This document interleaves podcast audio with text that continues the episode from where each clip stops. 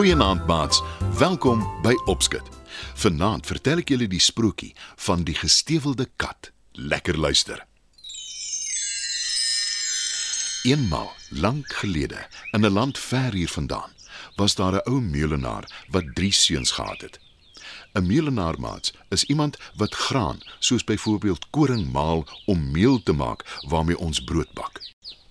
Die ou meulenaar het sy hele lewe lank hard gewerk, maar hy was ook sy lewe lank arm en hy het nie veel gehad om vir sy drie seuns na te laat nie. Net die meule, 'n donkie en 'n kat. En toe hy doodgaan, sê die oudste seun dadelik vir sy twee broers: Ek is die oudste. Dis net reg dat ek die meele kry. Julle twee kan besluit wie die donkie vat en wie die kat. Die tweede seun laat nie op hom wag nie en sê: Die kat is nie veel werd nie. Ek vat die donkie, ten minste kan hy werk. Die jongste seun is nie gelukkig daaroor nie en hy sê moedeloos: Ag, my twee broers kan albei geld maak met die meele en die donkie. Maar wat maak ek met 'n kat? Die dier is niks werd nie. Die kat hoor wat die seun sê en hy gaan staan voor hom en sê: Dis waar jy 'n groot fout maak.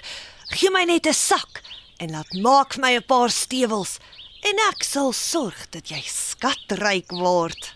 Die seun glo die kat glad nie, maar hy laat maak tog vir hom 'n paar stewels. Hy gee ook vir die kat 'n sak. Toe sê hy: Nou wag ek maar om te sien hoe jy my skatryk gaan maak. Die kat glimlag geheimsinnig en antwoord: Ek het 'n plan. Vertrou my en jy sal jou nooit weer oor iets hoef te bekommer nie. Trek die kat die stewels aan, gooi die sak oor sy skouer en gaan na 'n plaas waar daar baie konyne is. Hy sit slaaiblare in sy sak en hy sit die sak op die grond neer. Toe gaan kruip hy en daarvandaan af weg en wag vir 'n konyn om die slaaiblare in die sak te kom eet. Na 'n ruk sien die kat 'n konyn in sy sak inkruip. Hy hardloop soontoe en trek die sak toe.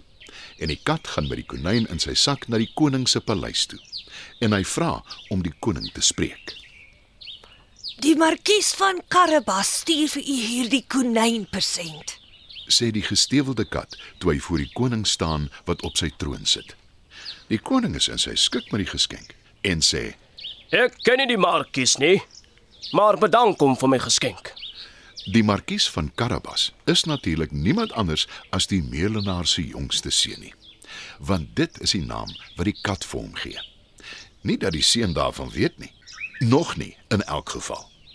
Daarna vang die kat 'n patrys en hy vat die voël ook vir die koning as 'n geskenk van die markies van Karabas af. Dit hou 'n hele ruk so aan. En die koning kry gereeld geskenke by die gestewelde kat namens die markies van Karabas. Elke keer as die seun vir die kat vra hoe sy plan vorder, sê die kat: Nog net 'n klein bietjie geduld. "Toe, op 'n dag hoor die kat by iemand dat die koning en sy dogter van plan is om langs die rivier in hulle koets te gaan ry. Die kat is baie opgewonde. Hy gaan dadelik na die seun toe en sê vir hom: Die tyd het aangebreek. Maak soos ek sê en jy is binnekort skatryk. Die seun kyk verbaas na hom en vra: Wat is jou plan? Ek het nie nou tyd om te verduidelik nie. Jy sal later sien. Gaan swem in die rivier en onthou, jy is die markies van Karabas. Die seun wil nog verder uitvra, maar die kat beloof hom dis 'n blink plan. Die seun doen toe wat die kat sê.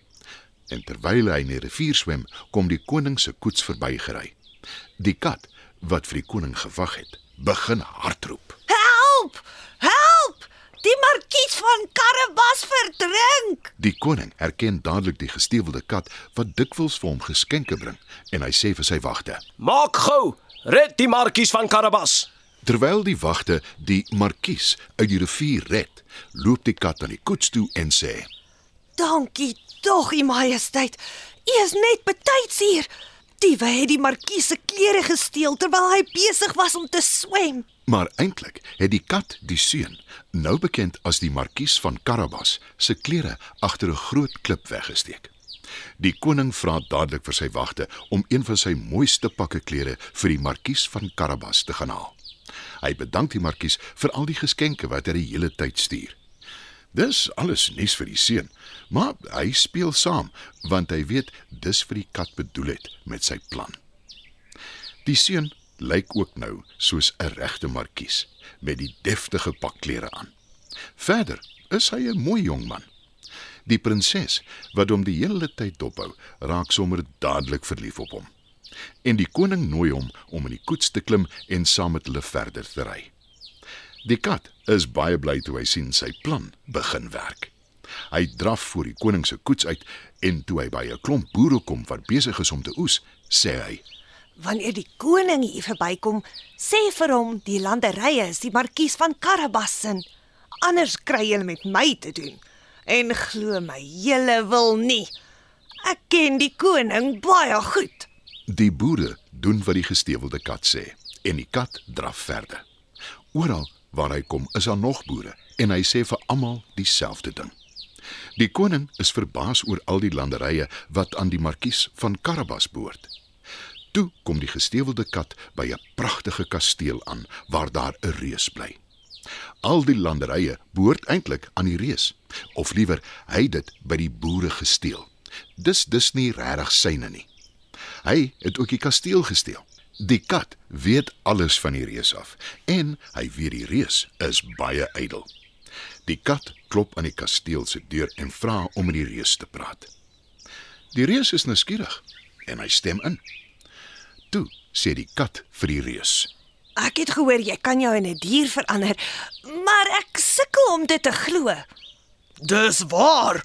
Ek sal jou wys. antwoord die reus en hy verander homself in 'n leeu. Die reus verander weer terug na homself en sê: Glo jy dit nou? Ja, maar jy kan seker nie jouself in 'n baie klein diertjie verander nie, soos 'n muis. antwoord die kat. Die reus vererg hom en verander in 'n muis. En dadelik vang die kat die muis en eet hom op. Intussen het die koning se koets ook by die kasteel aangekom. Toe die gestewelde kat die koning se koets sien, loop hy na hom toe en sê vir die koning: Welkom by die markies van Karabas se kasteel, u majesteit. Die seun, eh, kom ons noem hom nou maar die markies van Karabas, is verbaas, maar weer eens speel hy saam. Die markies, die prinses en die koning volg die gestewelde kat in die kasteel in. Die koning en sy dogter, die prinses, is ewe ingenome met die markies van Karabas. Kort daarna is die markies en die prinses getroud en hulle bly in die kasteel. En die gestewelde kat, hy is die markies van Karabas se regterhand en hy vang beslis nie meer muise nie.